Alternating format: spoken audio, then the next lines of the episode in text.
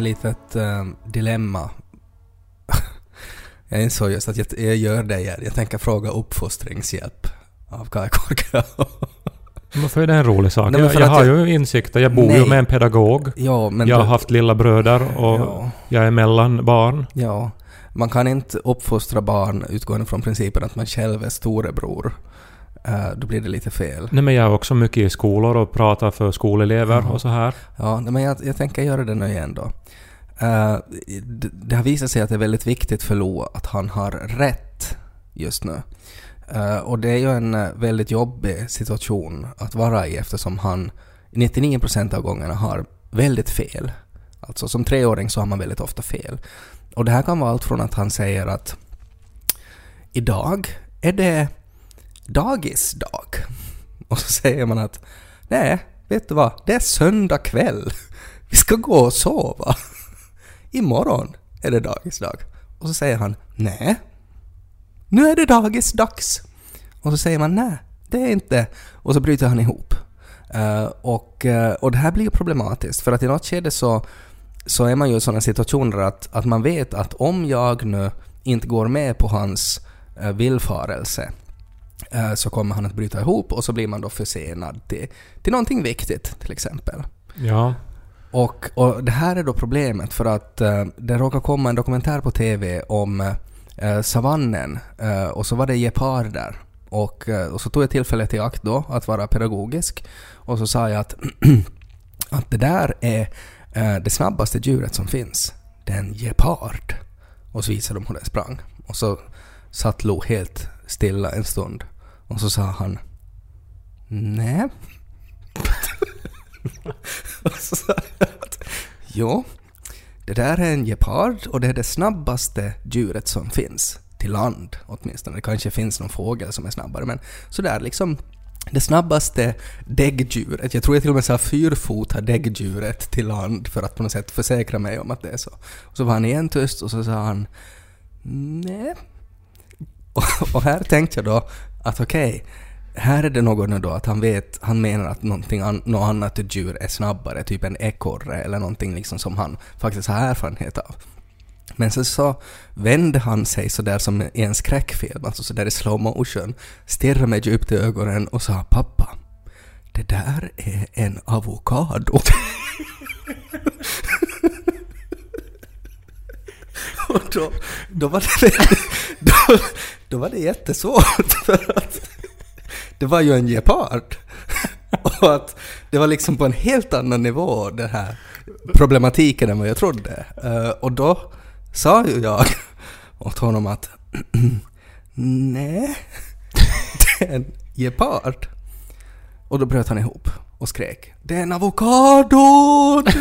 Det där är en avokado! Och att vi kom inte ens liksom till den diskussionen som jag tyckte var kärnan i det, att det där är det snabbaste djuret. Utan att det var bara det att det var en avokado, det där. Ja. Och problemet här var att jag tror att dagen innan så hade hans mor visat åt honom i butiken att det där är en avokado. Eh, och så hade han ett, han, han kunde inte riktigt förhålla sig till det och så hade han antagligen placerat ordet avokado i den delen av sin hjärna dit han sätter ord han inte förstår. Och när jag sa ordet gepard så hamnar dit, det hamnar liksom till samma ställe.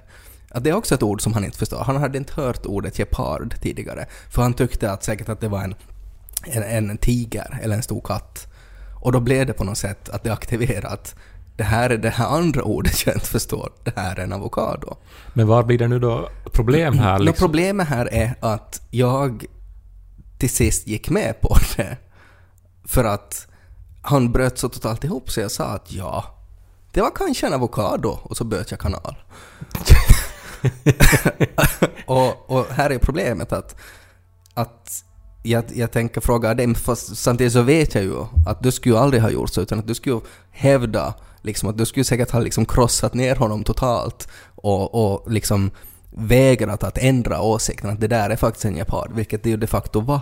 Nå, jag skulle kanske försöka ta, ta in eh, då någon annan vuxen i rummet och fråga att, Ja, då- att då är det där en avokado? Ja, då skulle han, då skulle han ha liksom med gråten i blick titta på den människan och så skulle den människan ha sagt "Eh, Ja, det ser väl ut som en gepard. Det är en avokado! Jaha, ja. Alltså i dag, dagens samhälle när man nu ser på liksom vaccinmotståndare och uh, Donald Trump och allt så här, så jag menar Mm. det, det är ju inte ett hinder för att nå långt i samhället att, att tro att, att en gepard är en avokado. Alltså Men tvärtom något- kanske det är till och med bra idag. Ja, men i något skede, alltså jag tror ju nog att han kan säkert gå igenom liksom hela skolan och gymnasiet och sådär, men att sen, i något skede sen då när han är vuxen och då jobbar som läkare eller president eller någonting, så då kommer det ju att bli otroligt pinsamt för honom. Ja, men, men det är ju just det här då som kanske är nu då mitt uppfostringstips då. Mm. Att, att, för att nu spelar det ju egentligen inte så stor roll i det här skedet liksom. Nej. Alltså för att inte handlar det ju om fakta, det handlar ju om att han vill nu bara hävda sig. Han vill ha rätt. Ja, och, och han vill kanske liksom alltså platta till dig på något Ja. sätt. Eller som att du inte ska få liksom Nej. styra och ställa.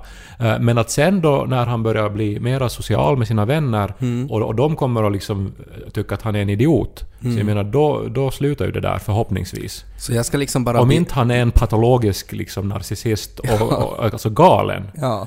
Så, alltså så är han ju redan. Alltså att om man skulle liksom kolla upp liksom symptomen på en treåring så är det ju nog, alltså det där är nog liksom starkt. Men jag är lite, alltså nu, nu måste jag erkänna att jag har inte träffat din son på jättelänge. Alltså, Nej. och det är jättehemskt faktiskt. Och, och vi, vi, vi är medvetna om det, jag och Han, Niko. han brukar säga att han vill få till frissan för han vill ha kort hår som Kai. Han börjar Det är ju jättefint det. Mm. Jätte, jätte, jätteunderbart. Mm. Men jag tänker så här att jag undrar ändå, skulle han göra så här mot oss också? Mot mig och Niko? För jag tror att vi är lite så här coola i hans värld. Att vi har de här häftigaste frisyrerna. Vi vet liksom ja, jag saker. Tror, jag tror att han är nog benägen, mer benägen till att bryta ihop med mig och Janika. Att jag tror att ni ska nog komma undan med vissa saker, men att i något skede så kommer nog den här avokadoväggen emot också för er. Där han bara liksom att jag vet att, att han, han skulle bli lite sådär Kanye, I'm gonna let you finish, but that there is an avocado. att jag tror in- Swift made the best video. ja, att i något skede så kommer han nog att göra så tror jag. Men det skulle vara jätteintressant att testa. Liksom var går gränsen? Var kan man som cool uh, guffar liksom eh, komma undan med det som föräldrarna inte kommer undan med? This was the largest inauguration crowd in history period. Jag menar, alltså, för det där är, alltså det är ju idag. Alltså är det den där fasen som har hängt kvar hos en massa såna här klimatförnekare, Ja. vaccinationsmotståndare, eh, liksom eh, populister som, som, som på något vis vägrar ta till sig fakta. Alltså någonting eh, med hjärnan är det ju. Jag tycker också att, att när man på något sätt ställs inför en kris så är det ju ofta ens reaktion att man till och med kanske säger rakt ut "D- d- Nej men det kan inte vara sant. Ja, jag minns, jag, jag läste ju den här Emma Frans bok som handlar om, om eh, att eh, faktakolla. Och hon sa ju i den, vill jag minnas, nu ska jag inte eh, citera på, på något sätt, men att, att det är ändå helt naturligt och som det ska vara att man reagerar sådär. För att vi människor har liksom utvecklat en hjärna som tror framförallt på känslor. Ja, hjärnan måste tro på sig själv. Ja, och att om känslan är att det där inte är en gepard utan det där är en avokado, Mm. så är det ju en stor kris om någon kommer att påstå någonting annat. Ja, så är det ja. Sen läste jag av en händelse en sån här hur man ska prata med schizofrena människor. Mm. eh, Som alltså har då en, eh, en snedvriden bild av verkligheten. Kanske har vanföreställningar som att, man, att jag är Neil Armstrong, tror jag. Mm. Så ska ska man inte säga att nej men du är inte Neil Armstrong, sluta. Utan man ska vara så här att, att ja, jag respekterar att du har den åsikten, men jag har nog en annan åsikt. Jag respekterar att du tror att det där är en avokado. Min åsikt är att det är en gepard. Ja, jag tror jag skulle bara, för att jag har ju ändå större röstresurser, jag skulle ropa högre än honom. Ja. Och då skulle han till sist förstå att Du han kan inte vinna den Nej. här fighten. Du skulle skrika ”Gepard!” Ja, Det kan ju hända att det är det som... Jag menar, jag har inte testat det där.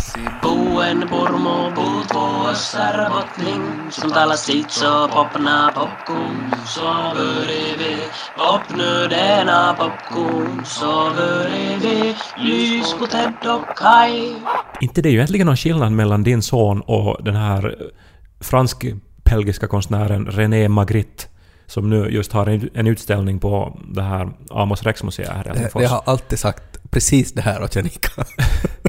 För Magritte är ju känd för den här tavlan. Eh, nu kan jag inte franska men eh, alltså det är ju en bild på en pipa Mm. och så står det ”Ceci n'est pas une pipe”. Un Ja. pip, pip. Det här är inte en pipa. Ja. Eh, och det är ju någon sorts... Ceci n'est pas un Och det är ju då surrealism liksom, Ja. eller dadaism, jag vet inte var man ska eh, dra gränsen där. Mm. Men, men jag menar det är ju det som, som Lo gör här. Alltså Ja. han, han, han utmanar ju de rådande normerna. Han säger också att han ser inte TVn om han inte sitter exakt i mitten av soffan. Och så är det sådär att man flyttar honom lite åt sidan och säger nu ser jag inte. Det kan ju tyda på något sorts synproblem också. Det kan ju hända. Ja. Att han på riktigt ser att det var en avokado.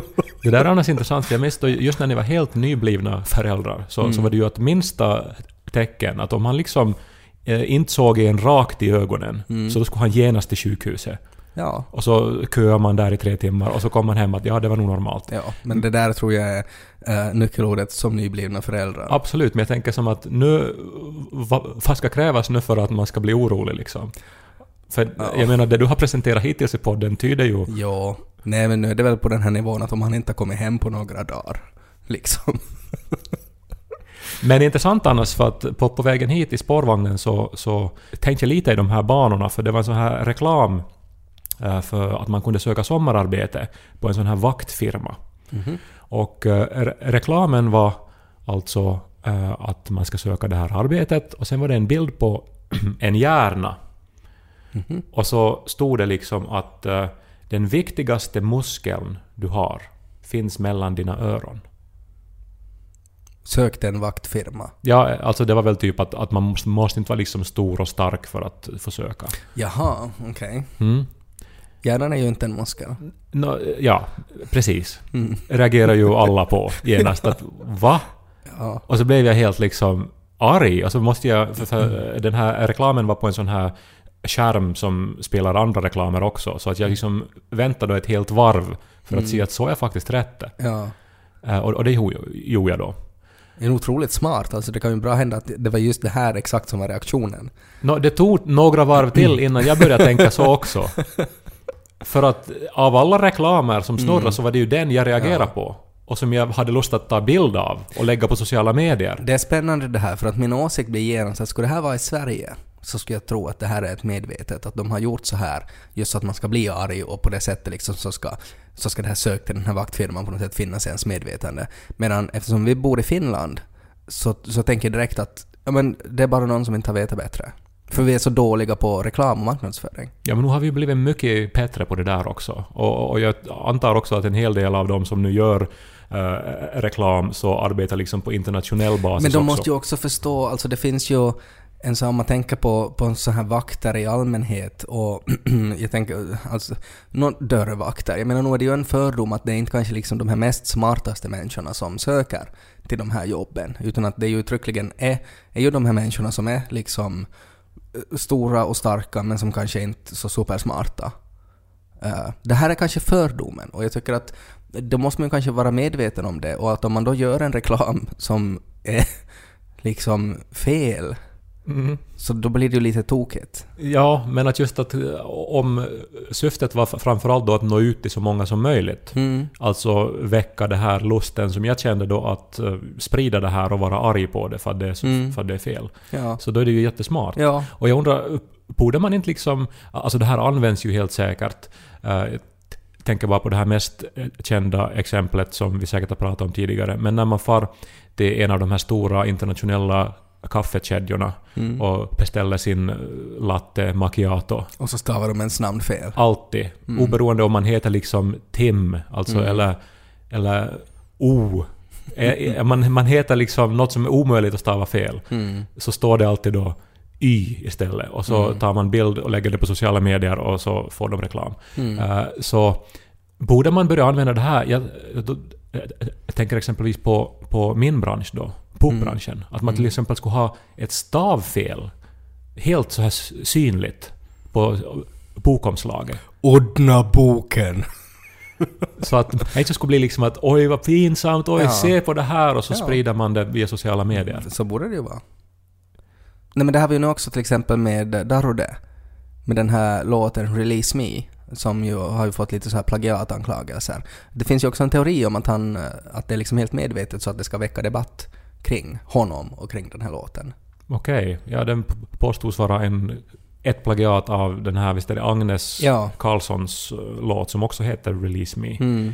Eh, jag försökte faktiskt lyssna på den, jag eh, tyckte nog inte att det fanns en stark case Det är väl mest där. det här att det är typ liknande röst som säger 'release me' i, i båda eh, låtarna. Men att, att där fanns också en teori då, som alltså någon har tvingat honom att ta ställning till i en intervju. Att är det så att du har gjort det här för att få marknadsföring? Och så har han sagt att nej, att han, han brukar inte göra så. Jag tycker bara det att man ska inte underskatta människors dumhet. Jag tror det är västvärldens största misstag är att man underskattar hur dumma människor faktiskt kan vara. Och att man på något sätt, det säger så mycket om en att man tänker att nej men det måste ju vara medvetet. Men det är mycket stor chans att det faktiskt inte är det.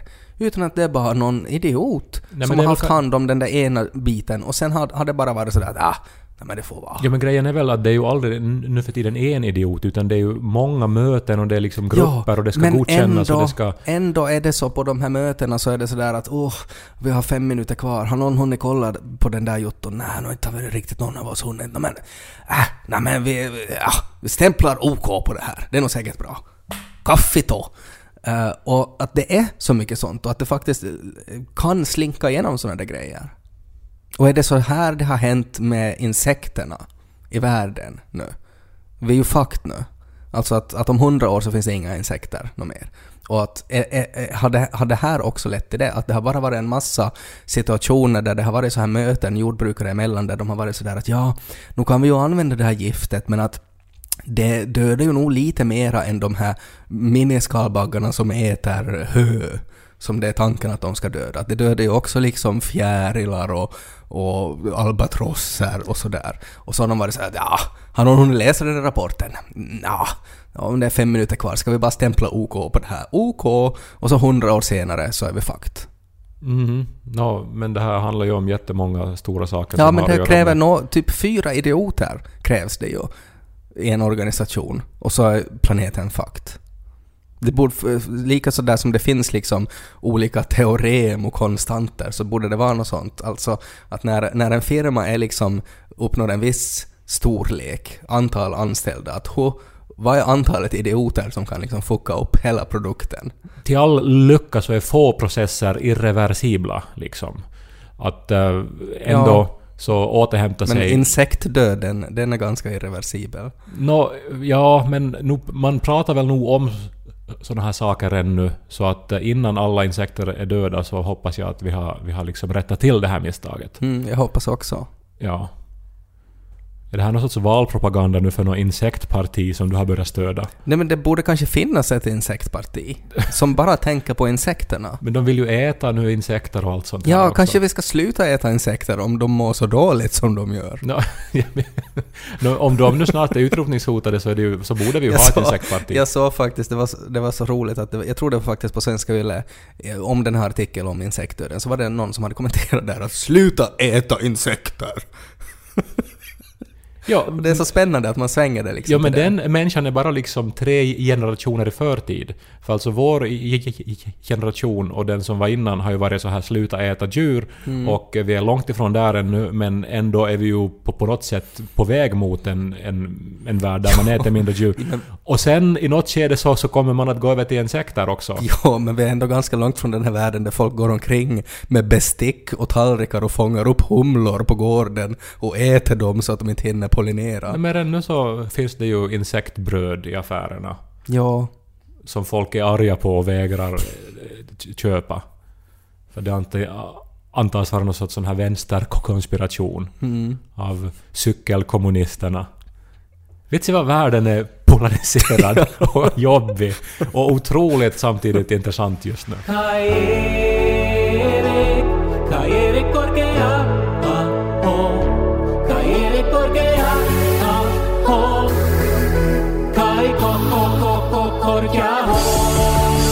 Årets konstverk anlände nu då igår. Jaha. Det fyller ju år den här veckan. Mm. Har du kommit ihåg det? Ja. Mm. Ja, ja. Just det. Eh, och jag har haft en tradition ända sedan jag fyllde 30 att jag årligen då köper en present till mig själv. Ett konstverk. Okej. Mm. Startade med att eh, när jag var 30 så var jag och Niko, just på min 30-årsdag så råkade en av hans vänner ha vernissage. För eh, hon målar. Mm. Och där då så eh, var det en oljemålning som jag gillar hemskt mycket. Och på min 30-årsdag köpte jag den spontant. Som en 30-årspresent till mig själv. Ja. Och sen har den hängt på väggen och gett mycket glädje. Och så fick jag stödja en levande konstnär. Mm. Och sen dess, varje år där i januari, februari så börjar jag leta då på, på nätet och gå på utställningar och, och tänker vad ska jag köpa för konstverk i år? Ja.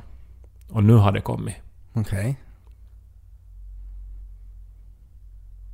Egentligen är jag inte intresserad vad det är, men jag känner att den här frågan finns i luften, så vad är det för konst? Nej men varför är du inte intresserad av att stödja konstnärer? Vi själva arbetar ju med konst och, liksom på ett sätt. Ja, men det är så otroligt subjektivt och vi har väldigt olika smak. Så det kommer bara att leda till att du blir frustrerad över hur jag inte går igång på den här beskrivningen av det här konstverket som du kommer att ge. Ja men nu tror jag att årets konstverk kommer att göra dig otroligt ivrig faktiskt. För det är Okej. någonting som du också skulle kunna ha tror jag. Okej. Ja. Det är ett japanskt träsnitt från 1800-talet Jaha. av en konstnär som heter Hokusai. Mhm. Som är Hokusai. Hokusai. Okej. Som är känd mest för, för sina träsnitt. Mhm. Och det mest kända så är det här... Om du skulle beskriva ett träsnitt, så hur skulle du beskriva det då?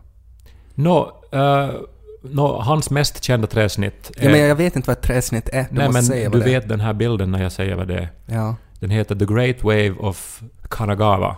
Och det är liksom en stor våg. Aha, är det ett träsnitt? Ja. För det har jag trott har varit typ en tavla på Ja. något så här tempelrullar. Nej, det är ett, ett träsnitt som, ju, som var jättepopulära på 1800-talet. Och Alltså den här är mest- Hokusai var liksom en av de främsta då som, som gjorde såna. Okej. Att det är egentligen bara att han har bara målat på trä. Nej, utan han har... Alltså det är en lång... Det, det är ett handarbete.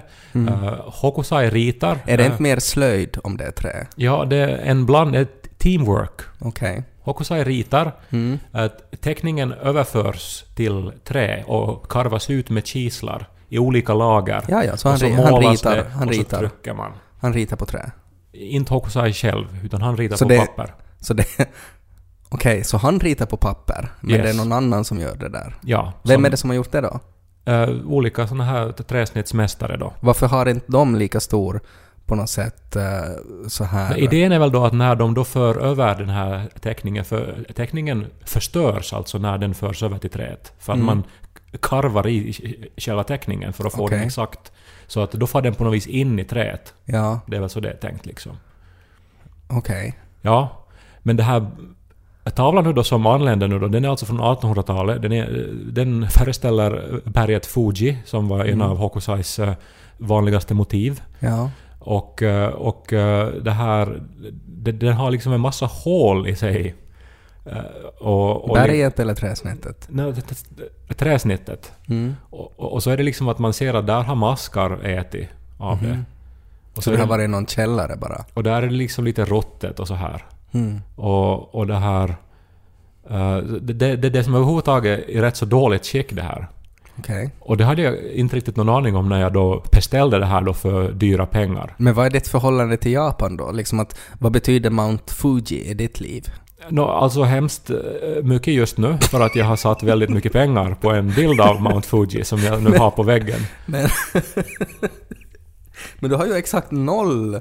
Liksom alltså ditt förhållande till Japan är ju noll. Nej, men ditt förhållande till Tatooine är ju noll, men ändå har Nej. du ägnat hela ditt liv åt att försöka eh, lära dig allt om dess kultur. Men du hatar ju allt som kommer från Japan. Nej, det gör jag ju inte alls. Här. Nu- har jag ju levt med en Japan, japanolog Ja! i, i 20 år. Ja, exakt. Min fästman Niko, Ja. som, som både talar lite japanska och som Mm. älskar såna här japanska eh, animationer. Japp. Och, och som... Japanska spel och allt sånt där. Och så liksom. vidare, Ja, ja. sånt har jag diskuterat med honom. Men du, Kai Korkeaho hatar ju Japan. Nej, men kanske nu då efter alla dessa... Jag har aldrig hatat Japan, men nu efter alla dessa år så har jag då hittat den här tjusningen och skönheten i den japanska konsten, Hokusai till exempel. Men det är otroligt pretto. Va? Är det ju att, att du börjar liksom den vägen. Att du ser... bara det att du började här historien med att berätta att du letar efter konst. Och så var det sådär åh, jag hittar ingenting. Att jag bara hittar någon så här maskäten, rutten stubbe från, vänta nu, Hokusai kollar på Wikipedia, ja, han är ju ganska känd. Nej men nu älskar jag ju Japan, jag! Nej men när ska ett intresse ha startat för att det ska räknas då som att, att det är genuint? Eh, nu har jag ju läst en massa om träsnitt och tittat på dokumentär och, och liksom tänker låna böcker och så vidare. Ja, så jag menar, är det så att man måste ha haft det ett visst antal år för att det ska kännas ge- genuint? Nej. Eller är det att man investerar en ganska stor summa pengar i att äga ett sånt här objekt? Är det ett tecken på intresse? Nej, det är det ju inte. det är väl mest kanske det att eftersom man då investerar en ansenlig summa i någonting så tänker jag, och jag tror många andra också tänker att okej, men då, då liksom betyder det ju liksom att, att konst måste betyda någonting för någon. Ja, eh, men det är ju just det det gör. Det är jättevackert. Ja, men, men ja, och dyrt. Att det finns inte så många beröringspunkter, att du måste liksom artificiellt hitta på de här beröringspunkterna i efterhand efter att du vann den här, antagligen auktionen på det här dyra konstverket. Men alltså det här är nu också liksom... Det är från 1800-talet. Alltså Ja. det här konstverket är äldre än Finland. Ja. Det är äldre än huset vi bor i. Mm. Det, det är liksom ett anrikt... Alltså, alltså jag får som respekt för det här. Alltså ingen människa på planeten levde. Alltså nu levande människa fanns. Ingen nu levande människa på planeten fanns när Nej. det här träsnittet gjordes. Så är det. Ja, det är ju fantastiskt. Ja. Och nu har jag det hemma hos mig och får titta på det och känna mig som, som en del av ett så här flöde av konstnärer och... Var det en auktion? Ja. Ja. Eh, tänk då att det finns kanske då på riktigt liksom japanologer och sådana där människor som faktiskt är jätteintresserade och liksom har forskat i träsnitt och varit och besökt Mount Fuji och kanske är släkt med Hokusai, Hokusai och sådär och har bara liksom önskat att oj, tänk om jag skulle ändå få en liten, liten del av min tradition skulle jag få hänga på väggen. Och så kommer Kai Korkeaho och bara liksom men försök, fem ton ner, försöker du få lägg det i här kassan. få det här till någon, det kulturell appropriering här nu eller något? För det är ju helt blir- absurt jag dina blir- anklagelser. Jag blir bara provocerad över det, att vi har så många gånger haft diskussioner.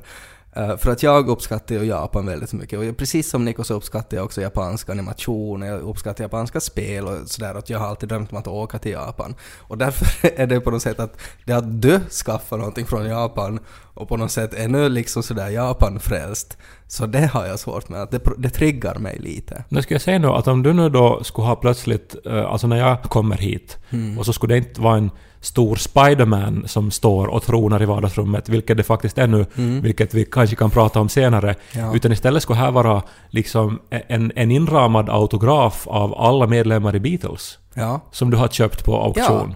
Så skulle det vara som att oj, det här skulle jag så vilja ha. Det skulle du inte ha. Du skulle bli jättearg. och säga att det där är fake. varför, skulle jag, varför skulle jag säga att det är fake? Jag menar bara att, att, att jag tycker att, att, att, att du är på helt fel spår här. Att jag har hittat kanske då en, ett nytt intresse.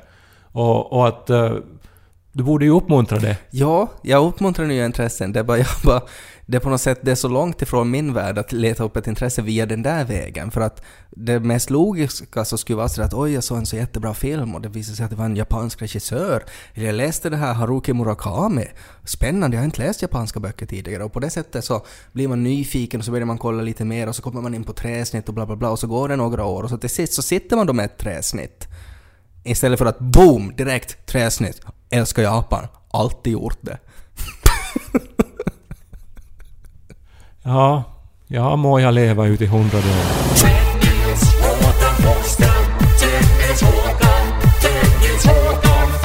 Jag tänker ofta när jag just sitter och browsar i så här gamla föremål på Jesus.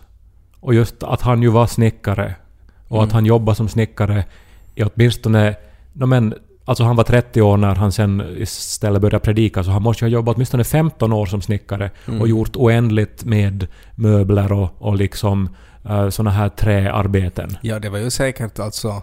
Jag tänker mig att det var ganska sådär på löpande band alltså. Att säkert har han ju tillverkat någon så här liksom tusentals pallar. Ja, men tänker att Guds son har gjort liksom min, min sån här hushållspapperhållare. Al- Alltså, jag menar, de måste ju ha magiska krafter Ja. eller någonting, de Ja. här objekten. Alltså, Det måste ju ha så. ja, och och de borde ju inte heller ha ruttnat, de borde finnas kvar. Nej, och sen får man ju också anta att han var ju kanske inte ens en så jättebra snickare eftersom han då började predika istället. Så att han säkert slog sig ofta på tummen med hammaren och sådär. Så att det måste ju också liksom innehålla Jesu blod. Alltså de här. Ja, och Jesus har liksom så här såriga österbottniska arbetarhänder. Ja, och så har man en tamburmajor som lyser. Men det skulle man ju vilja hitta liksom. Jag Ja. tycker det är underligt att, att de har ju sökt så mycket efter den här heliga graal. Alltså den här bägaren då som Mm. Ja. Jesus drack ur vid sista måltiden. Ja. Varför har man inte letat då efter liksom Jesu liksom pinsoffa? Och, och Han hade ju säkert alltså en sån där eh, vad heter det där som man hade i slöjd? Alltså en sån här, en sån här slöjdbänk, liksom hela det där som hade... ja, Huvelberg. Ja, en huvudbänk som hade skruvstäd. Alltså Jesu huvudbänk, för att det var ju liksom hans viktigaste verktyg. Jag undrar om Jesus alltid efter att han var färdig för dagen så var han så här nitisk att man skulle sätta tillbaka verktygen på sina platser. säkert, som ju min pappa till exempel. Ja. Eh, och, Säkert hade Josef liksom helt en sån här vägg där han hade ritat med vitt runt hammaren vad den skulle vara och sådär. Tror du också när Jesus blev korsfäst att när han ändå hade ju liksom mycket erfarenhet av slöjd och sånt att när de kom då med spika, spikarna så var han sådär nej, inte nio tums spikar. Eller sådär att, att han skulle på något sätt ha kommit med tips på hur de hamrar och sådär att du måste ta i med armbågen. att han tänk- liksom i avrättningsögonblicket då så skulle börja liksom ge råd Men inte det väl... Alltså det här, jag har aldrig tänkt på det här. Har någon i världshistorien någonsin tänkt på det här? Det kan ju inte vara helt omöjligt att Jesus tillverkar korset han korsfästes på själv. Jag menar, vad, vad, vad gjorde man i Betlehem som, som snickare? Nu var det väl säkert en hel del pallar, eh, just sådana här hushållspappersrullare, men säkert också kors att korsfästa på. ja, Det var någonting som behövdes liksom. beställning då liksom på tre kors till Ja. Golgata på, Mm. på fredag. Mm. Och så här. Och så var han uff, Liksom att, ja, jag måste väl ta itu med det här nu då. Ja, men vad ironiskt liksom. Ja, men trä står väl sig inte i allmänhet liksom mera än typ, alltså kanske då, jag vet inte, då 200 år eller någonting. Jag har inte någon, någon kunskap om det här. Men fint att du ändå kunde dra till med 200. Nej men jag tänker att, vet du, för att inte hittar man ju så mycket liksom äh, träbänkar Men från trä- 1500-talet och så Ja. här. Eh, och, men då, då, å andra sidan så påstår de ju då och då att de har hittat delar av Noaks ark liksom. Ja. Eh, som man då, alltså fossiliserat träd och som har Mm. blivit eh, som till sten. Mm. Och så här. Så att, men, men, men just Jesu träarbeten, Mm. liksom han då som gjorde såna här, som vi gjorde i lågstadiet då såna här liksom... Askkoppar. Bokstöd. Ja, såna här sko, alltså som att man skulle ta av sig skorna. Ja. Ja, vad heter skoknäckt? Ja, en skoknäckt ja. Ja. Fast sandalknäckt kanske på den tiden. ja. Men det skulle eventuellt kunna finnas kvar. Eftersom Jesus då var Gud. Det var ju alltid det bästa med träslöjd var ju att, att oberoende vad man gjorde så i något skede fick man spruta eld på det. Så att det blev lite sådär flammigt. Vad hade ni för slöjdlärare? Det fick vi nog aldrig göra. När vi lyssnade väldigt mycket på, eh, på Blondie också. Ni hade Gene Simmons som slöjdlärare. Var Men jo, inte så alltså. pyroteknik. Det var ju helt sådär att, att oberoende vad du gjorde i slöjd, så att sen när det var färdigt så skulle du spruta eld på Nej, det. aldrig. Jag har absolut ingen erfarenhet av att ha sprutat eld Man i skulle, slöjden. man skulle s- sådär lite bränna det. Och så kunde man också löda sitt namn i det, men att det skulle bli lite sådär svart och flammigt. Om det fanns liksom hål i det där träet så blev de helt svarta och så blev det sådär snyggt då. Jag minns bara att jag har ägnat ett halvt år av mitt liv åt att fila till en skruvmejsel. Eh, och så, som jag aldrig har använt. Hmm. Och, och att det var, det var min barndom. Inte något eldsprutande. Jag undrar sen när Lo började skolan, att kommer det att vara slöjd? Men de har ju ännu alltså väl inte det här uppdelade som vi hade, att, att Nej. pojkarna hade träslöjd och flickorna hade handarbete. Nej. Utan det är väl nog mera mixed idag och större valmöjligheter. Men då var det ju på något sätt alltså att orsaken varför man hade liksom träslöjd och handarbete var ju så att man skulle eh, i skolan få liksom sy kläder åt sig för att man hade inte hemma. Ja, man gjorde väl tror jag, i, alltså för att eh, en månad eller så, så hade också pojkarna eh, syslöjd och då gjorde vi, minns jag, ett förkläde som man skulle använda i huslig ekonomi i högstadiet. Mm. Men vad skulle det kunna vara då, liksom, när Lo börjar skolan då, i framtiden? Att vad, vad finns det då för behov av för ämne som man inte får hemma? Nå, i din sons fall så är det väl så här djurkunskap, liksom rent bara så här artkännedom. Skillnad mellan, mellan kattdjur och frukter. Han kommer att få fyra i det. Det här är en Svenska Yle-podd.